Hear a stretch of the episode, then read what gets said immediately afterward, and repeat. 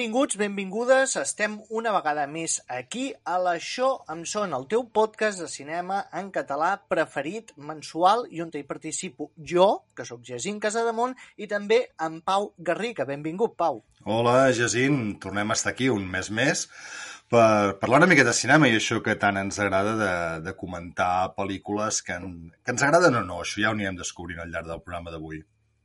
Sí, perquè avui portem un programa un xic especial, aprofitant el context del calendari en què ens trobem, que és Halloween, doncs hem decidit parlar de pel·lícules que típicament es miren per Halloween, com són els slashers.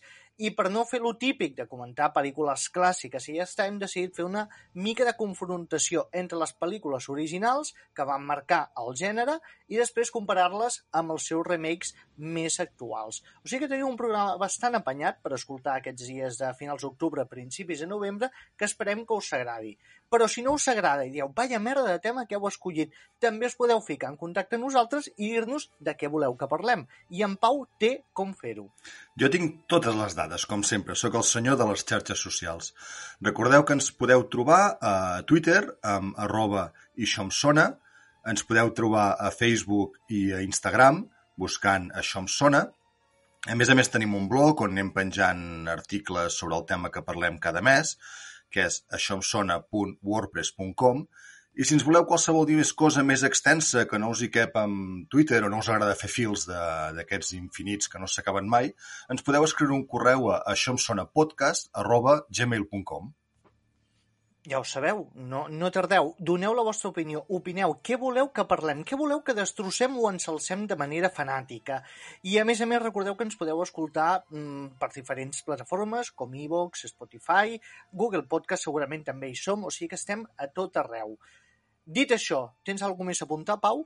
No, no gaire més. Uh, realment, el podcast d'aquest mes em semblava molt interessant, tot i que ja saps que jo el tema que tractarem no en sóc especialment fan, però em va semblar interessant la idea d'introduir-me en un món com és el de, del món de les pel·lis de, de terror, perquè jo tinc una malaltia diagnosticada que es diu ser un cagat de collons, i, i a mi em fan por, jo ho reconec, eh? a mi les pel·lis de por em fan por. I quan em vas proposar el tema vaig dir, va, donem-li una oportunitat. I, I estic content perquè he descobert un, un món i un univers on no hi estava gens ficat i, i que m'ha semblat molt interessant i no descarto una segona entrega, potser al Halloween de l'any que ve, on ens endinsem més dintre d'aquests universos que m'has fet descobrir. Home, jo et dic una cosa, dins dels gèneres de, del cinema de terror, jo crec que el que més fàcil és entrar, perquè tampoc és tan de terror, és l'slasher, perquè té una sèrie de fórmules que, que fa que sigui molt accessible, més que té algunes petites llaminadures perquè t'hi enganxis més fàcilment encara. Però bueno, això ho descobrirem ara, perquè és el moment de començar a parlar de slashers.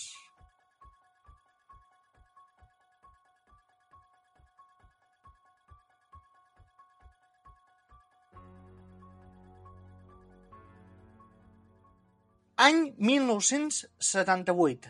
Del no-res, un director semidesconegut que va començar a fer unes quantes pel·lículetes que van tenir cert ressò entre la crítica i van començar a tenir una mica d'importància a Europa, es treu de la màniga una pel·lícula anomenada Halloween, títol original uh, La noche de Halloween, i de què va això? Doncs bé, tenim John Carpenter uh, com a director, al guió tenim John Carpenter and Debra Hill, i tenim un repartiment que ja s'ha convertit en mític, com seria Jimmy Lee Curtis, Donald Pleasence, uh, la PJ Soles... Una pel·lícula que va costar 325.000 dòlars i que va acabar fent 47 milions de dòlars no sé per quan es va multiplicar, va ser exponencialment, i us diré que és la pel·lícula que, independent que va fer més calés eh, al llarg de la història fins, em sembla que era The Blair Witch Project. O sigui que imagineu la magnitud de tot això. A més a més, aquesta pel·lícula va iniciar l'slasher tal i com el coneixem. I la història és molt senzilla. Tenim un nano que mata la seva família, es trastoca i anys després està internat, s'escapa per la nit de Halloween es fica un mono d'un taller mecànic, una màscara que és en Kirk, el capità de Star Trek pintada de blanc, i es dedica a anar per un poble matant a les ninyeres. La cosa més senzilla que et puguis tirar a la cara, però va funcionar. No sé si l'havies vist, Pau. No recordava haver-la haver, -la, vist. Sí que recordava les típiques imatges de... que, que vinculem amb la saga. Recordava haver vist més endavant un que es va fer de Halloween 20 o H20 o alguna cosa així, mm. però, però l'original no... Crec que si la, la vaig veure va ser quan era molt jove. Cosa que també m'ha anat bé perquè m'ha fet com, com veure-la de nou, com si no l'hagués vist. I bé, eh, començo jo a explicar el que penso de la pel·lícula. Jo crec que és una de les millors pel·lícules de terror de tots els temps, ja no només el, del el gènere slasher. Per què? Doncs per la direcció de John Carpenter, perquè aquest senyor eh, és un director que és molt sobri dirigint, però crec que té encerts molt potents. On situa la càmera, com juga amb el muntatge, la banda sonora que la va fer ell mateix, Uh, tot, tot et dona una sensació claustrofòbica de, de ser perseguit, de paranoia absoluta, i a més construeix un personatge com és aquest de Michael Myers, amb un rostre impertèrrit que, que simbolitza uh, el terror, el terror pur, sense explicació aparent, i, i en funciona perfectament. A més, va saber agafar coses de, de pel·lícules anteriors, com seria... Tothom ho compara amb Psicosis, jo crec que sí, que té alguna influència a Psicosis. La filla, Jamie Lee Curtis, de la protagonista de Psicosis, és la protagonista de Halloween, i, i m'encanta, m'encanta absolutament tot, des dels crèdits inicials amb la carbassa, a l'escena del manicomi d'on s'escapa Michael Myers, a, al poble buit amb les fulles escampades, i el personatge aquest apareguent del no-res, desapareixent com si res... No sé, m'encanta, em funciona absolutament tot. És una pel·lícula que m'acabo mirant, si no és cada any, màxim cada dos anys, i sempre hi veig un detall nou.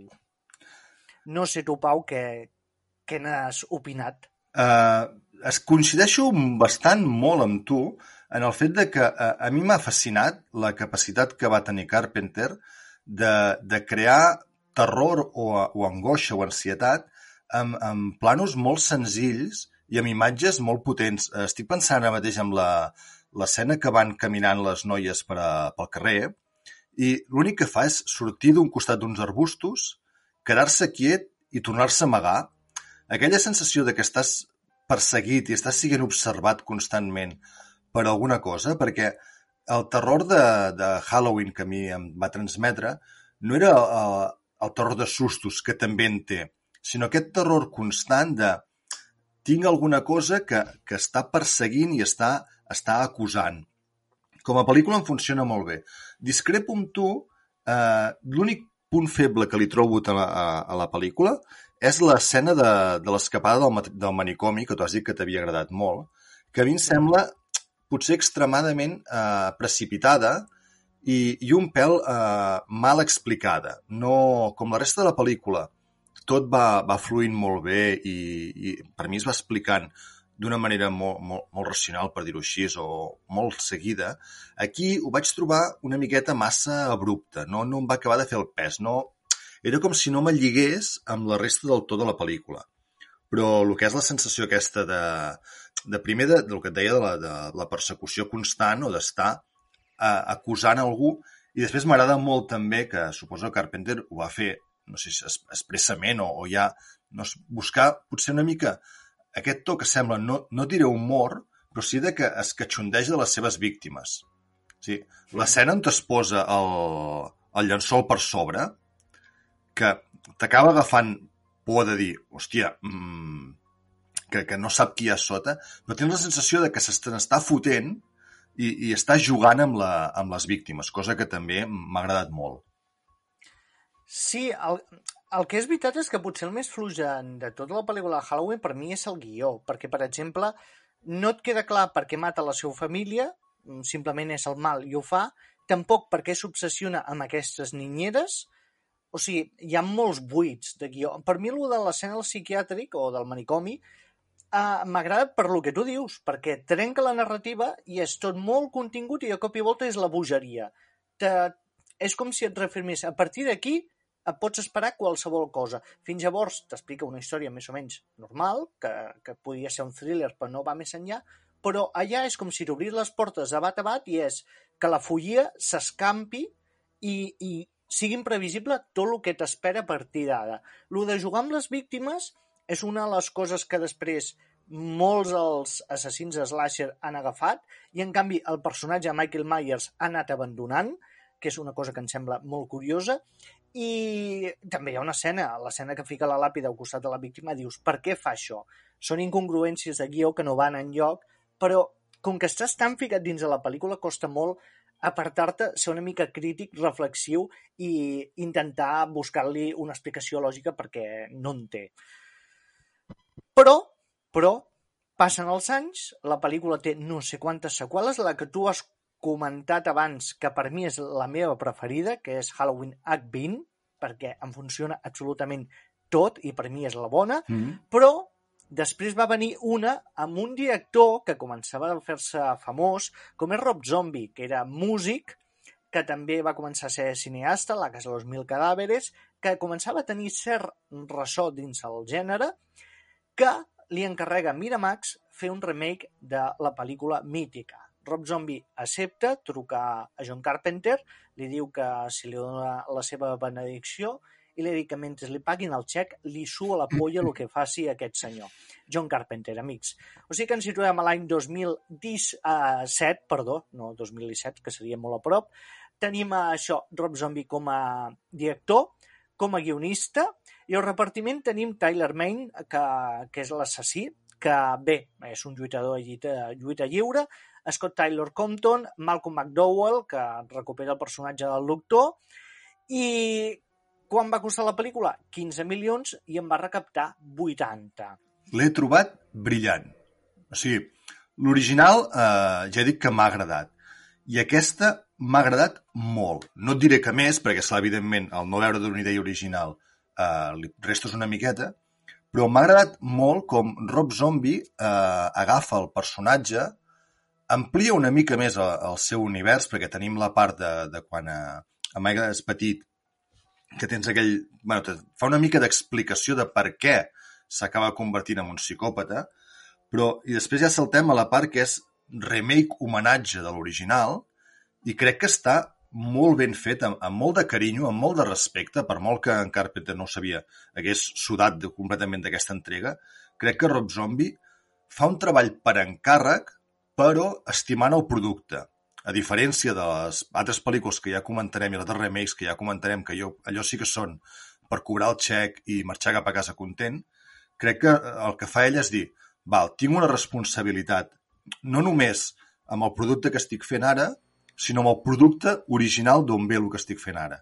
I el penso tractar amb carinyo, el penso tractar amb cuidado, fent-li, aportant alguna cosa més, un to especial meu i, i una miqueta més evolucionant la història, però sempre, sempre respectant el producte original. I ho fa, i aconsegueix crear, per mi, una pel·lícula brutal, boníssima, em va tenir enganxat a la pantalla. Només crec que el desenllaç l'allarga una miqueta més del que és necessari. Hi ha un punt on te, ja el tens mort i no cal que torni, però bé, és allò, diu, va, anem-ho rematant ja. Però en conjunt m'ha semblat una pel·lícula excel·lent en tot el conjunt, eh? amb les interpretacions, eh, amb el, el personatge, o sigui, ara imposa un respecte, el tio és enorme, no sé si fot dos metres deu o, o quan fa, però ja només la seva sola aparença i, amb la màscara posada et dona una sensació de mal rotllo. I el nen que l'interpreta, que no sé com es diu, però la mirada buida que té, siguent un nen, hòstia, et transmet el, el terror aquest que, que ja feia l'original, però posat al dia. Val, doncs jo aquesta pel·lícula vaig tenir la sort de veure-la al Festival de Sitges, eh, en teníem molt poca informació i la veritat és que quan vaig sortir va ser mare meva, quina bona pel·lícula que acabo de veure i encara ara penso el mateix, trobo que és una pel·lícula molt bona, però tot al meu voltant, tots els crítics que hi havia, perquè vaig anar a la sessió, al passe de la crítica, deien pestes a la pel·lícula per un sol motiu, que és el que em va cabrejar molt, que deien que l'original, el personatge aquest de Michael Myers, simbolitza una cosa molt etèria, que seria el mal, el mal en si mateix, l'encarnació del mal, sense més. I en canvi deien que aquí se li buscava un transfons al personatge, que se l'humanitzava, i jo crec que tenen raó, però és que jo no veig quin és el problema. La pel·lícula original, que en representa el que volia Carpenter, ja la tenim. A mi que reimagini el personatge. Cert que a mi no m'agrada que s'aprofundeixi amb els personatges, amb el seu passat i tot això, però dona un to tan descarnat, tan veraç, tan realista d'una família desestructurada, amb maltractaments, bé se sapiguem violacions, que s'apunta i tot això, un nano que compleix totes les característiques dels assassins en sèrie i que a sobre aconsegueix un físic que és potent, que et demostra durant tota la pel·lícula que és capaç d'agafar una víctima pel coll i emposar-la contra, contra el sostre, te cagues, te cagues, perquè és un terror molt, molt real. Cert que amb atmosferes eh, aquest director no és tan bo com Carpenter, no és ni la meitat de bo com a director, però sí que sap transmetre una cosa que eh, pot afectar més el, el públic contemporani. La pel·lícula de Carpenter és molt bona, però jo crec que la disfrutem més els que ens agrada el cinema que no passa al jovent, perquè sí. I en canvi aquesta nova trobo que el jovent pot quedar realment impactat com feia la primera, però a través d'unes altres eines. A mi m'agrada molt la pel·lícula, ja, ja ho dic. Cert que potser la trobo un xic llarga, perquè tot al principi tens ganes de que arrenqui, no acaba d'arrencar mai, però quan arrenca per mi és molt bo. I tota la part que tu dius que és més homenatge a la pel·lícula de Carpenter, sí, però la bestialitat, la brutalitat que té aquest, aquest nou Michael Myers m'encanta, em fascina, trobo que funciona molt i molt bé i en general per mi és una de les grans pel·lícules de, de Road Zombie, si no la millor, i crec que, com tu dius, la va fer amb bastant de carinyo, estima el gènere i, i ho transmet plenament. Ho modernitza, que jo crec que si fas un remake té que ser per això, o sigui que per mi missió complida. No sé, eh, vols comentar alguna més de diferències entre l'original i aquesta? Jo he apuntat això del mal que potser és més etèria la primera i aquí és més real. Què més? Clar, jo aquí apuntaria que una cosa que fa Zombie, que potser dius, bueno, és buscar-li una, el que dius, una justificació a, al personatge, és el fet d'introduir el concepte de, de la família i que tingui un objectiu concret en Michael, o sigui, no vagi a, a matar l'atzar, que això és el que en gran part feia por de la, de la primera, que és, que és la casualitat que fa que aquelles siguin les víctimes. Aquí hi ha un punt més d'objectiu. Però em sembla malament, i estic totalment d'acord amb tu, que al jovent d'avui en dia li fiques eh, el Halloween original i a menys que no li agradi molt el gènere o li agradi molt el cinema, et dirà quina pel·lícula més cutre, potser.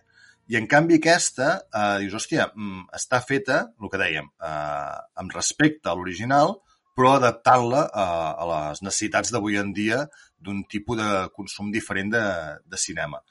Uh, la trobo brutal. També m'agrada molt el fet de que no distingeixi o sigui, no humanitza el personatge, perquè si t'hi fixes hi ha un moment, quan ella escapa del psiquiàtric, el personatge d'en Dani Trejo porta 20 anys tractant-lo amablement, eh, siguent bon ell, i ell no té pietat, o sigui, no, no l'està humanitzant, jo no ho veig, no, no, no crec que tingui aquesta sensació, perquè tranquil·lament... Sí, haguéssim... perquè et dona una argumentació de per què és així. Encara que després no sigui humà, sí que te'l fa humà de que per culpa de tot això és irremediable que ja és així i no canviarà.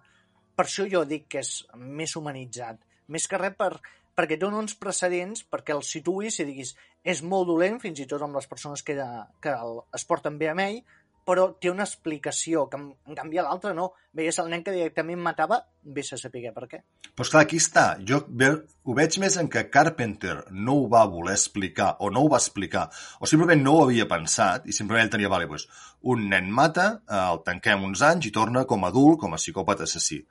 Perquè no, no desca... o sigui, mirant-nos racionalment, eh, el Michael original també ha de tenir un motiu per matar. No, se'ns se, pot fer estrany que simplement un dia es desperti, agafi un ganivet i mati. Ha d'haver-hi alguna cosa psicològica darrere. Bé, aquí hi ha les teories que diuen que quan passa el primer assassinat és la nit de Halloween, que és quan surten les ànimes, i que un, el mal, l'encarnació del mal, s'aixeca aquella nit, es fica dins el seu cos, que per això tenim el punt de vista subjectiu de quan es fica la càmera, que és quan se li introdueix el mal dins. Val, sí, és una manera... Hi ha la teoria. Clar, clar. Però bueno. I també, que això ja a mi se m'escapa perquè no he seguit amb la saga, però també hi ha el punt on te, potser això justificaria el fet de que fos una mica més un ens gairebé sobrenatural a mesura que avança, no? Sí, perquè, bueno, l'escena final que el maten desapareix. Sí, sí, sí, sí. Però bueno, O sigui que sí. Això ja és més en plan de, de podem anar fent noves entregues que en veiem que és una cosa recurrent en aquest tipus de, de cinema. Bé, en realitat no, eh? John Carpenter sempre ha estat en contra de fer la segona entrega, li van oferir la segona, va dir que no, que la història tenia que acabar aquí, i que Halloween sí que podia ser una franquícia, però que cada capítol fos una història completament diferent. Això ho va aconseguir amb la tercera, va fracassar i van tornar a Michael Myers. Uh, per fer-ho molt ràpid, escull uh, Donald Pleasance o Malcolm McDowell? Uh, Michael McDowell m'agrada molt. Vale. Ma, sí, no sé, és aquest tipus, aquest actor que t, uh, te transmet alguna cosa, és que te vull dir? Mm -hmm. Jo, en canvi, sóc més de Donald Pleasance, potser perquè les he vist totes i ja, ja li tinc més carinyo. I, per l'altra banda, Jamie Lee Curtis o Scott Taylor Compton? De quan estem parlant? De quan jo era jove o d'ara? Ara. No, va, farem, serem sincers, perquè Jamie Lee Curtis eh, és un mit eròtic de quan jo he anat cresquent i, i es manté, que això no es perd. Sí, jo també estic molt a favor de Jamie Lee. Uh, doncs fem un petit salt, tirem una mica endavant.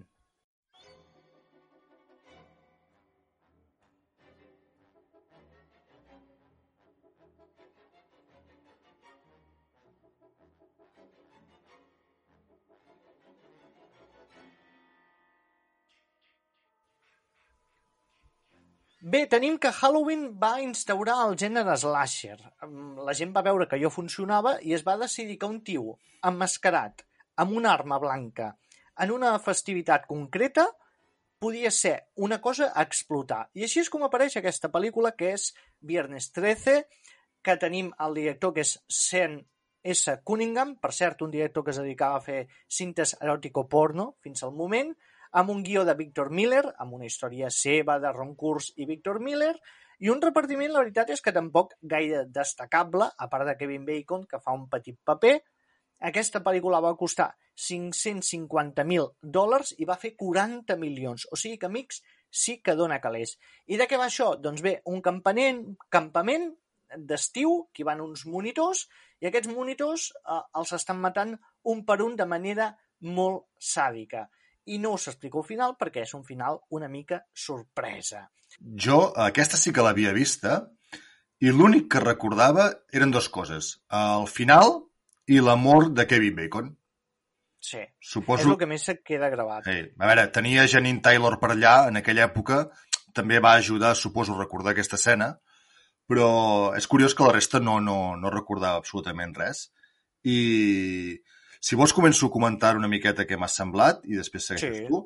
Uh, vist ara, uh, trobo genial uh, el gir que va voler donar aquesta pel·lícula uh, al tema. El fet de que tots... O sigui, que comentaves el tema aquest del típic emmascarat que va matant a la gent i que estiguis esperant això tota l'estona i el gir final vegis que, que, que no, que has estat, eh, has estat enganyat perquè esperes una cosa i te'n donen una altra, eh, ho vaig trobar eh, brillant.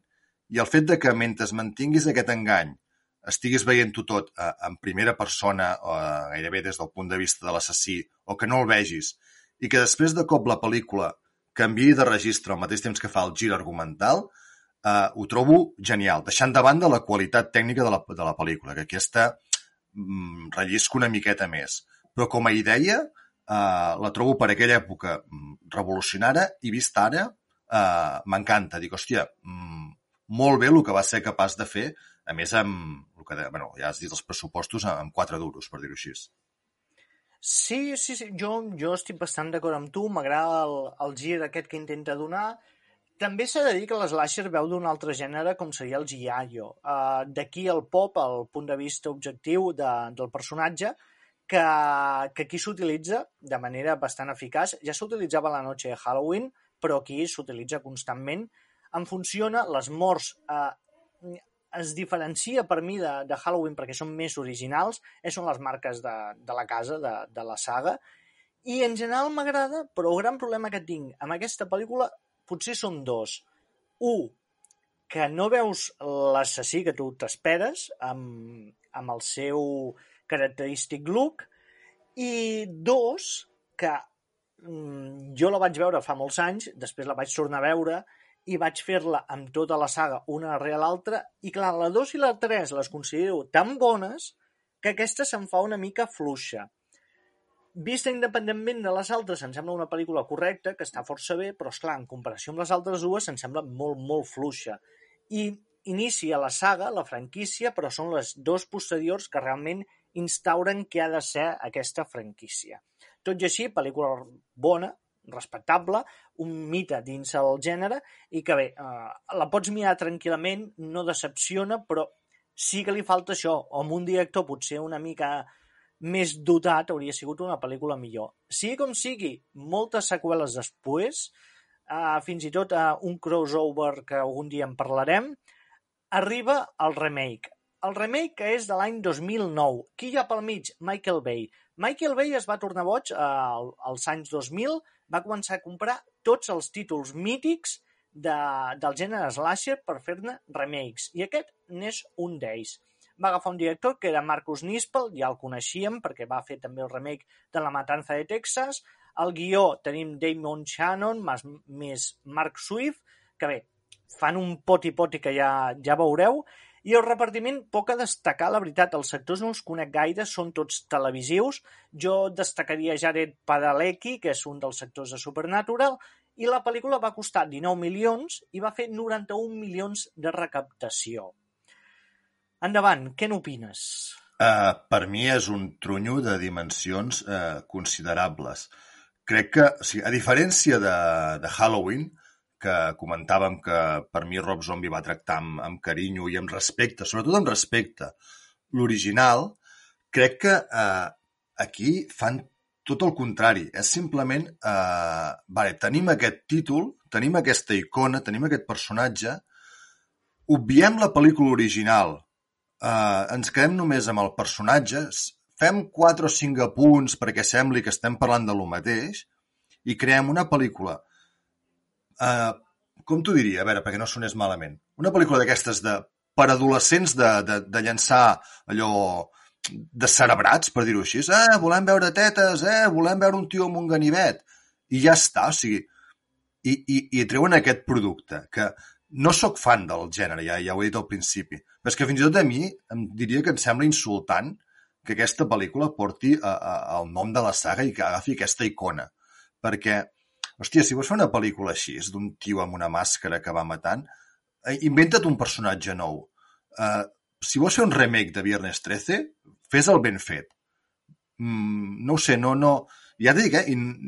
M'estic defensant una saga que, que no és que m'hagi importat tres pitos, uh, però és que amb prou feines he passat de la primera. Això que comentaves de que la segona i tercera uh, són bones, en vam parlar tu i jo abans de gravar i, i m'han entrat moltes ganes de veure'ls, però no els he vistes, per tant, no, no, no, puc, no em considero ni, ni, ni m'atreviria a dir mai que sóc un fan de la saga, però sí que tinc respecte per les pel·lícules que han marcat un, una època. I veient Viernes 13 va marcar una època, és una icona, i veient això que han fet ara, em sembla un producte sí, gairebé, bueno, perquè els actors ho són, però un producte televisiu senzill, només per a, a llançar allò eh, pals ànecs perquè puguin menjar una miqueta, que per mi no respecta gens ni, ni, ni té cap mena de, de pressi cap a l'original. Vale, vale. He sigut, Ara, he sigut prou clar, no? Sí. A veure, jo uh, hi ha dues coses que em fan estar completament oposat a tu. A Viernes 13, si una cosa té important dins el gènere, que és la pel·lícula, mm, o la franquícia, millor dit, que marca el gènere. La que fica no les bases, perquè crec que les va ficar Halloween, fins i tot alguna pel·lícula anterior, però bé, uh, Viernes 13 és la que diu com ha de ser el gènere exactament i com s'ha d'explotar. Mm -hmm. I aquí tenim un director que és especialista en el gènere, com és Marcus Nispel, que n'estic segur que és fan absolut de Viernes 13. El gran problema de la pel·lícula, per mi, que la pel·lícula a mi m'agrada molt, també he de dir que aquesta pel·lícula és una d'aquelles pel·lícules que he passat d'odiar completament a estimar-la cegament. Per què?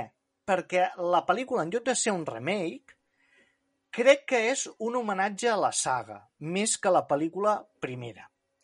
Per què dic això? Perquè treu tots els elements que va explotar Viernes 13.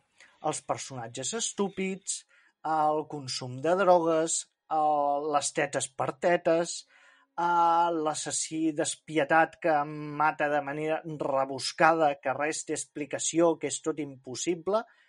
I per mi, Marcus Nispel, més que fer un remake de la primera, fa això. Diu, vale, la franquícia que ha dit com han de ser les coses, la resumeixo en una sola pel·lícula. I per mi, aquesta pel·lícula és l'eslasher perfecte. És exactament tot el que té que tenir un slasher amb la mesura exacta i a sobre amb un acabat visual que és molt potent, perquè aquest director mm, se li pot tirar moltes coses encara, però un sap dirigir i la fotografia és brutal amb aquest senyor. I aquí fa això, un compendi de tot el que és el cinema slasher i concretament la saga de Viernes 13, resumit en una sola pel·lícula. Que es pixa a la primera? Sí, però és clar, és això. Per mi, com que no, no és un remake exacte de la primera, té elements de la primera, té elements de la segona, bé, és que té elements de totes, menys em sembla que és la cinquena, però té pinzellades de totes. I em funciona, em funciona molt, molt, molt bé. I ja et dic, l'odiava, eh, la pel·lícula, perquè era... Mm, eh, sembla que ens tractin d'estúpids, però és que si mires la saga de Viernes 13, ens tracten d'estúpids a principi a final. I aquí t'ho han, han resumit, t'han fet un mix amb un gran acabat i que, que ho tens tot. I una pel·lícula slasher, si li has d'explicar a algú què és una pel·lícula slasher, fica-li aquesta pel·lícula perquè ho entendrà de seguida. Tot el que té que tenir una pel·lícula de slasher està aquí. La de John Carpenter és un slasher, sí, però està massa ben feta. Un slasher té que estar mal fet i té que tenir moltes tetes. Constantment té que tenir tetes. La primera Ernest 13 és bona? Sí. És un bon slasher? Sí. Però això del gir de guió no té que ser un slasher. Un slasher té que ser per imbècils, perquè d'adolescents catxondos la mirin. I aquesta, aquest remake, per mi, compleix exactament això. Que, si ens basem en aquestes premisses, també t'ho compro, perquè eh, o sigui, no hi ha escenes més estúpides en aquesta pel·lícula que la noia fent eh, surf, bueno, eh, esquí aquàtic, eh, eh, amb tobles, que dius, que cardes, o l'altra que s'està ventilant a l'amiga i, i la seva xicota trucant a la porta de Uh, por favor, ábreme la puerta, què estàs haciendo? Collons, no la sents a mi, el que està fent. I, i que tots són tan amics. I, i sí, si, si les bases del gènere són aquestes, t'ho accepto. Segueixo pensant que per mi, uh, potser ja no tinc edat per um, se me'n fot veure tetes en pantalla. Uh, no sóc el target, potser, però, hòstia, com a pel·lícula no, no em va funcionar. I també em va fallar el fet de que fins ara el que havia anat veient tenia cert sentit. És cert que eh, vull, vull avançar amb la saga per a veure quan entra el factor sobrenatural, perquè vull que m'expliquin pues, tot de coses. Però aquí hi ha un punt en què vale, a la primera era la mare, surt el, eh, ja al final, no l'explicarem, tot i que després de 40 anys jo crec que ja podem fer algun spoiler, eh, però no saps ben bé, et queda el dubte de si és real o no és real el que has vist al final de la primera pel·lícula. Aquí, en canvi, eh, tu has de creure, perquè mm, o sigui, de cop és... Primer és un nen, però aquí és un adult. Eh, no sé, és tot molt... El que dius, agafar fragments de coses que fan típiques al, gen, al gènere i ficar-los junts en una pel·lícula.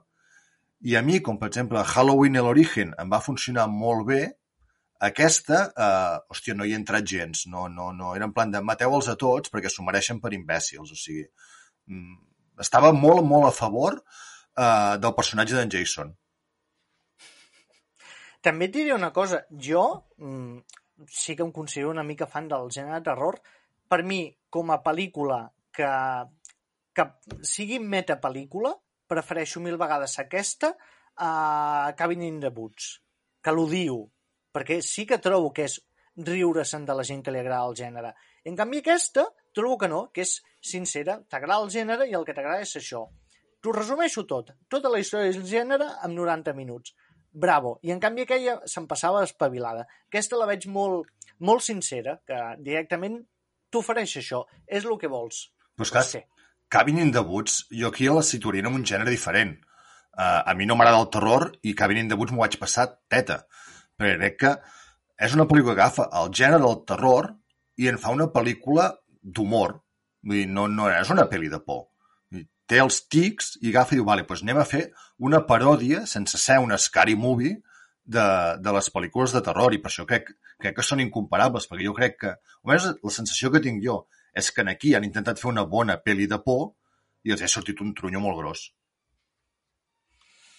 Ja veieu, punts de vista diferents, si no, no tindríem programa.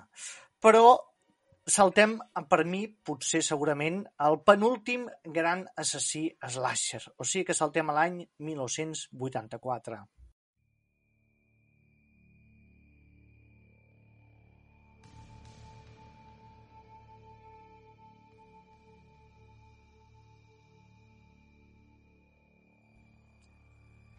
Wes Craven, un senyor que cada dècada treia un pelotazo, no podia estar-se'n i als 80 també va tinguer que treure un pelotazo. Pesadilla en el Street, com he dit, de l'any 1984, dirigit i guionitzat per Wes Craven, i un repartiment de cares bastant desconegudes, però com sempre en el gènere slasher, a la primera pel·lícula tens que tenir un actor que amb els anys es convertirà en famós, que és Johnny Depp.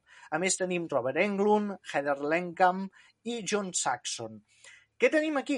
La història d'un grup de nanos que mentre es dormen algú els mata, però els mata en somnis i de retruc a la vida real.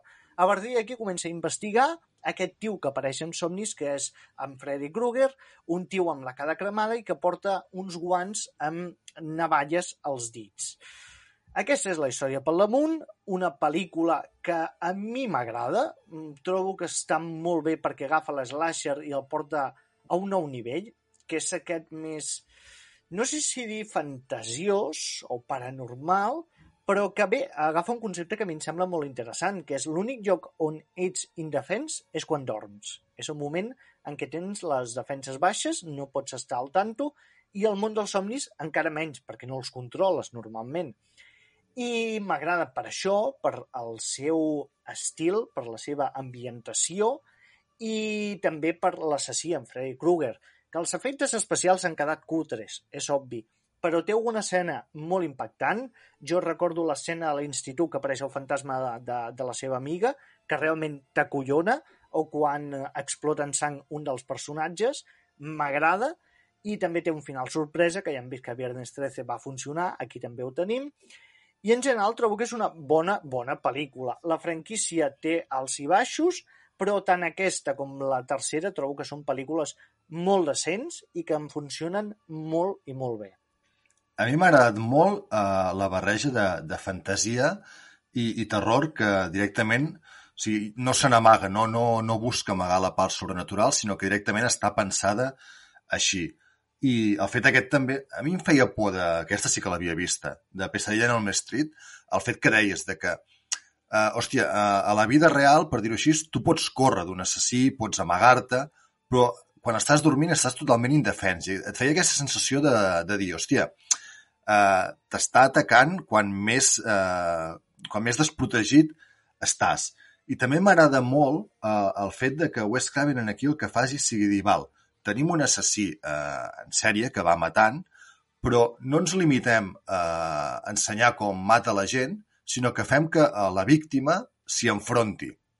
I de les que he anat veient així d'aquestes, és la primera que eh, el, les víctimes no es limiten a fugir de, de l'assassí, sinó que hi planten cara i deixen, no, no, eh, sé el que hi ha i m'hi penso enfrontar, i a més a més és una noia que agafa el paper protagonista i diu, hòstia, doncs jo m'enfrontaré en aquest personatge en Freddy Krueger i, i no esperaré a ser la víctima, sinó que jo seré qui, qui es defensarà.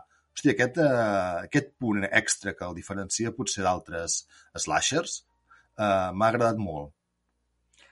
Recordem que aquest senyor, Wes Craven, eh, és un crac, perquè aquest va sortir, era professor de filosofia, va començar, pel que sembla, fent algun treball una mica bastant eròtic, va saltar a dirigir Les colines tienen ojos, a, a fer la saga Scream, Pesadilla en el Street, o sigui que és un tio que realment és per treure's el barret de com se sap adaptar als seus temps i s'ha de dir, és un director bastant negat, però sap fer pel·lícules que realment eh, et captiven. I aquí tenim un nou exemple que ens sembla molt i molt bo.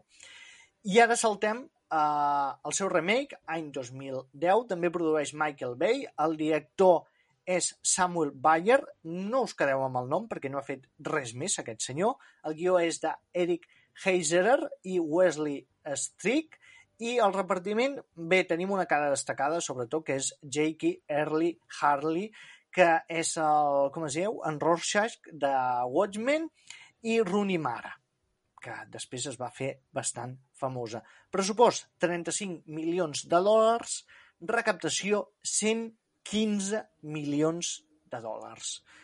Tu mateix. El meu primer apunt vull que sigui que, que guapa que està la Rooney Mara en aquesta pel·lícula. I mira que és una noia que no m'ha mai m'ha acabat d'agradar, però en aquesta pel·lícula la trobo guapíssima. Dit això, eh, la pel·li tècnicament trobo que està ben feta, o sigui, no... Evidentment, el que deies abans, com comentàvem l'original, els efectes d'aquella època han quedat bastant cutres avui en dia.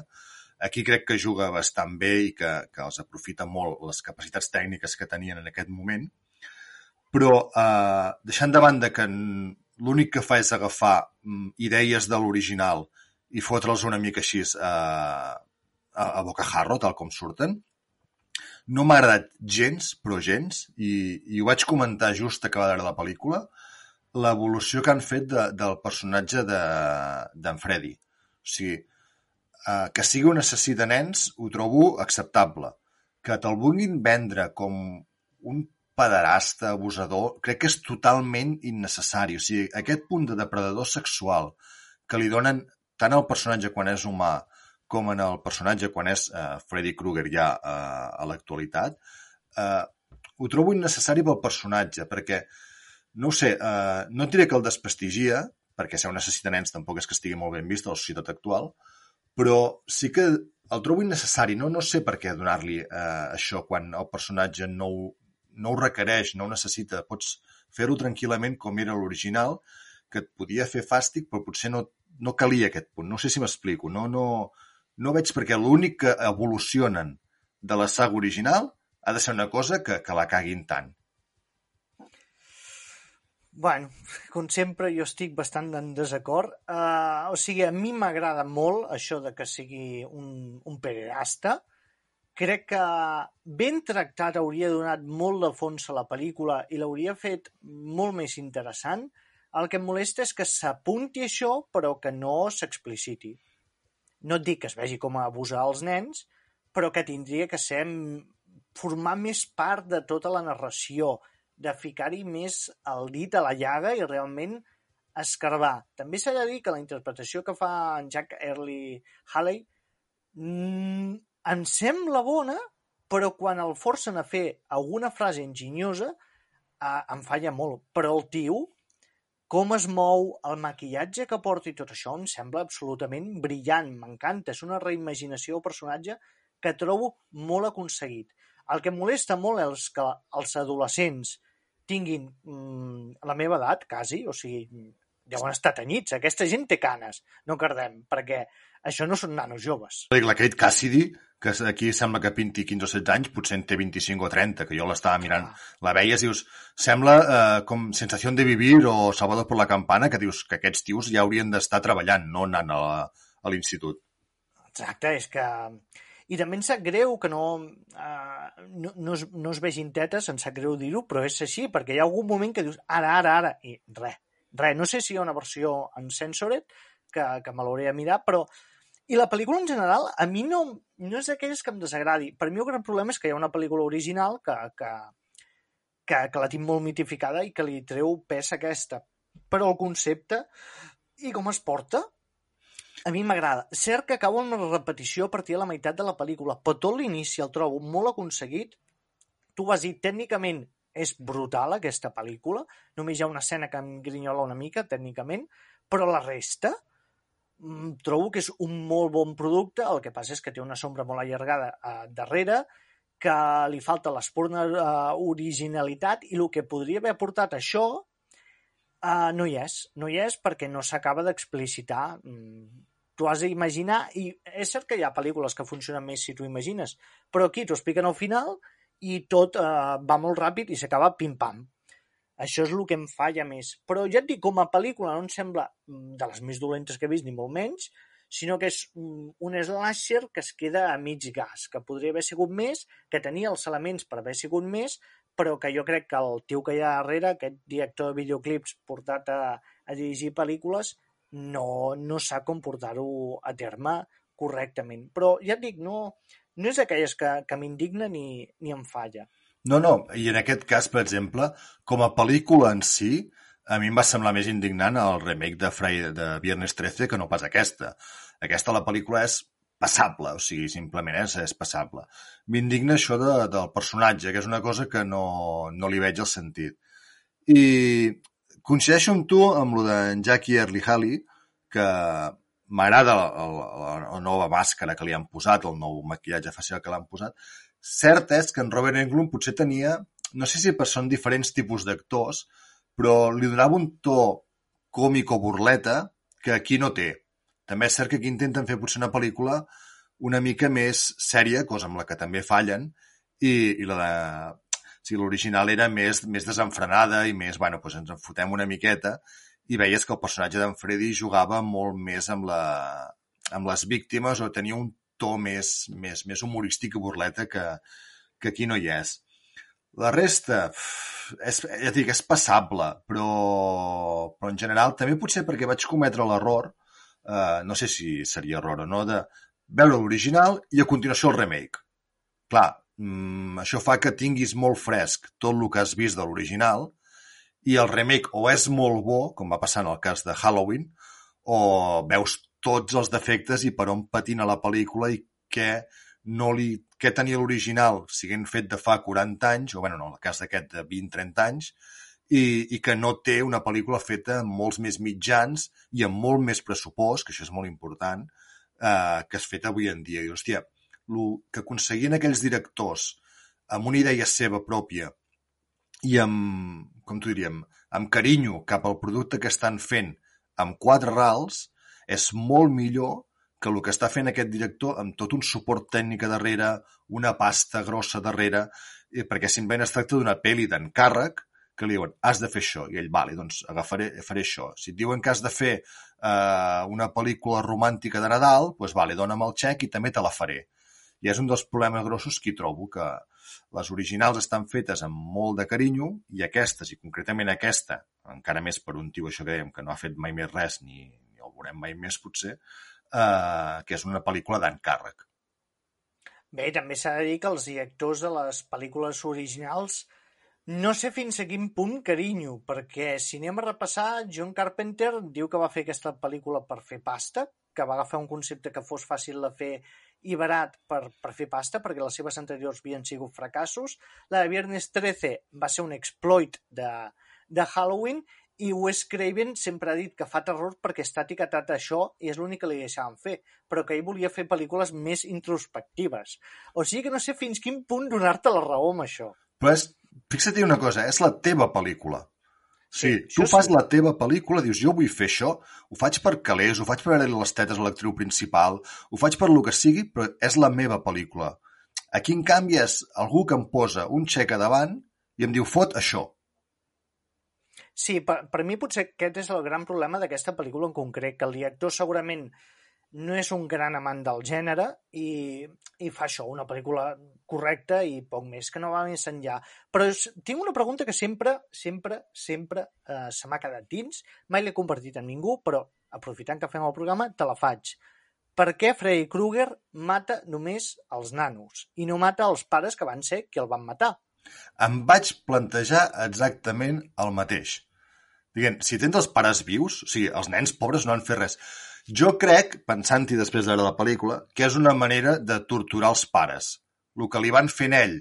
Si primer que ell té una obsessió amb els nens, ja sigui per un motiu o per un altre, amb, els dos, amb les dues pel·lícules, i a part és una manera de dir, vale, hòstia, em vau matar d'una manera tan cruel i, i que jo us vull... No, matant-vos a vosaltres no em faig prou. O sigui, vull que patiu com he patit jo, perquè, clar, podem pensar que en Freddy, va, o sigui, en Freddy home va morir eh, cremat en aquell moment, però a partir de llavors eh, se suposa que està vivint un infern eh, en, en, en mort.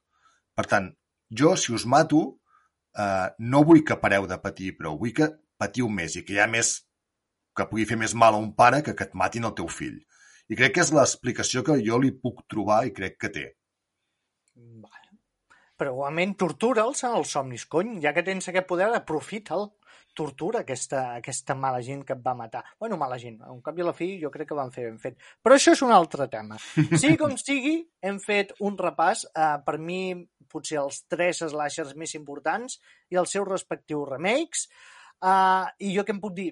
Poca cosa més, que són pel·lícules totes que les he pogut veure, algunes m'han agradat més, algunes menys, eh, tornar-les a veure algunes me les ha fet redescobrir, però que en general crec que el nivell és bastant bo, acceptable com a mínim. Qualsevol d'elles te la pots mirar per la nit de Halloween i et farà bona companyia. No és un desastre absolut cap d'elles. I, I si no heu provat mai l'Slasher, doncs proveu amb alguna d'aquestes que jo crec que com a mínim us entretindran. I no sé, Pau, tu que, que has entrat més de, de cop i volta en aquest gènere, gràcies a aquest programa especial, què, què en treus? Doncs mira, eh, en trec una llista molt llarga de pel·lícules per veure, perquè, eh, vulguis o no, encara que no t'agradi el gènere, com és el meu cas, tens inputs de, del personatge, de, de l'univers i tot que envolta eh, uns personatges tan icònics com aquests. I ara tinc ganes de veure l'evolució que sofreixen aquests personatges eh, al llarg de les pel·lícules. Per tant, jo ara tinc aquí un llistat de Viernes 13, de Halloweens, i de Pesadilles en Elm Street que no vull que la gent em digui hòstia, mira només la 2, la 4 o la, 10, la 12 perquè són les bones i salta. No, no, ho vull veure tot perquè tinc curiositat per veure com ha anat evolucionant la saga. Per tant, si ja em falten hores per veure coses, eh, aquest programa d'aquest mes encara m'ha posat més càrrega d'horari a sobre. Però estic content, eh, perquè he entrat en un univers que no, no hi havia entrat. No em faré mai fan del gènere de terror, perquè ja et dic que jo sóc dels que s'espanta molt, però molt. Però aquests clàssics, mm, bé, els donarem una oportunitat. Et diré només una cosa. Si tens que mirar les tres sagues, eh, recomanació meva, fes l'exercici de mirar-les cronològicament. O sigui, no miris tota la saga de Halloween, després la de Viernes 13 i després la de uh, PSI en el Street. Mira-les any per any cap, és que si vaig així, amb el ritme que tinc jo de veure pel·lícules o el temps disponible, potser tardaré dos anys a acabar totes les sagues, eh? Sí, però et ficaràs en el context i t'ajudarà moltíssim a entendre el gènere, perquè veuràs en quin moment entra uh, una desviació dins el gènere. Per exemple, lo de més paranormal a l'Slasher, en quin moment entra? I si et fiques a mirar les pel·lícules que havien tingut èxit just abans, et faràs una idea de com va evolucionar el gènere i per què. És un exercici, eh? ja et dic. Pots fer-ho saga per saga o, o cronològicament. Però ja et dic, a mi m'ha ajudat molt a entendre per què evoluciona el gènere, què és el que fa que l'impulsi, i on t'ho proven, fallen i tornen enrere. A mi em va semblar un exercici molt divertit. Sigui com sigui, no tenim temps per més. Ja sabeu que estem a totes les xarxes socials i que més ens podeu escoltar a Spotify, a iVoox i a més. Pau, eh, preparat pel següent programa? Jacint, a punt i a passar per uns dies i parlem d'aquí... Entre nosaltres parlem més, però de cares a l'audiència parlem d'aquí un mes. A veure què us portem, que em sembla que és Nadal. Uh! Quasi Nadal. Bé, ja ho veurem. Sigui com sigui, porteu-vos molt bé i gaudiu amb la sang, fetge i tetes.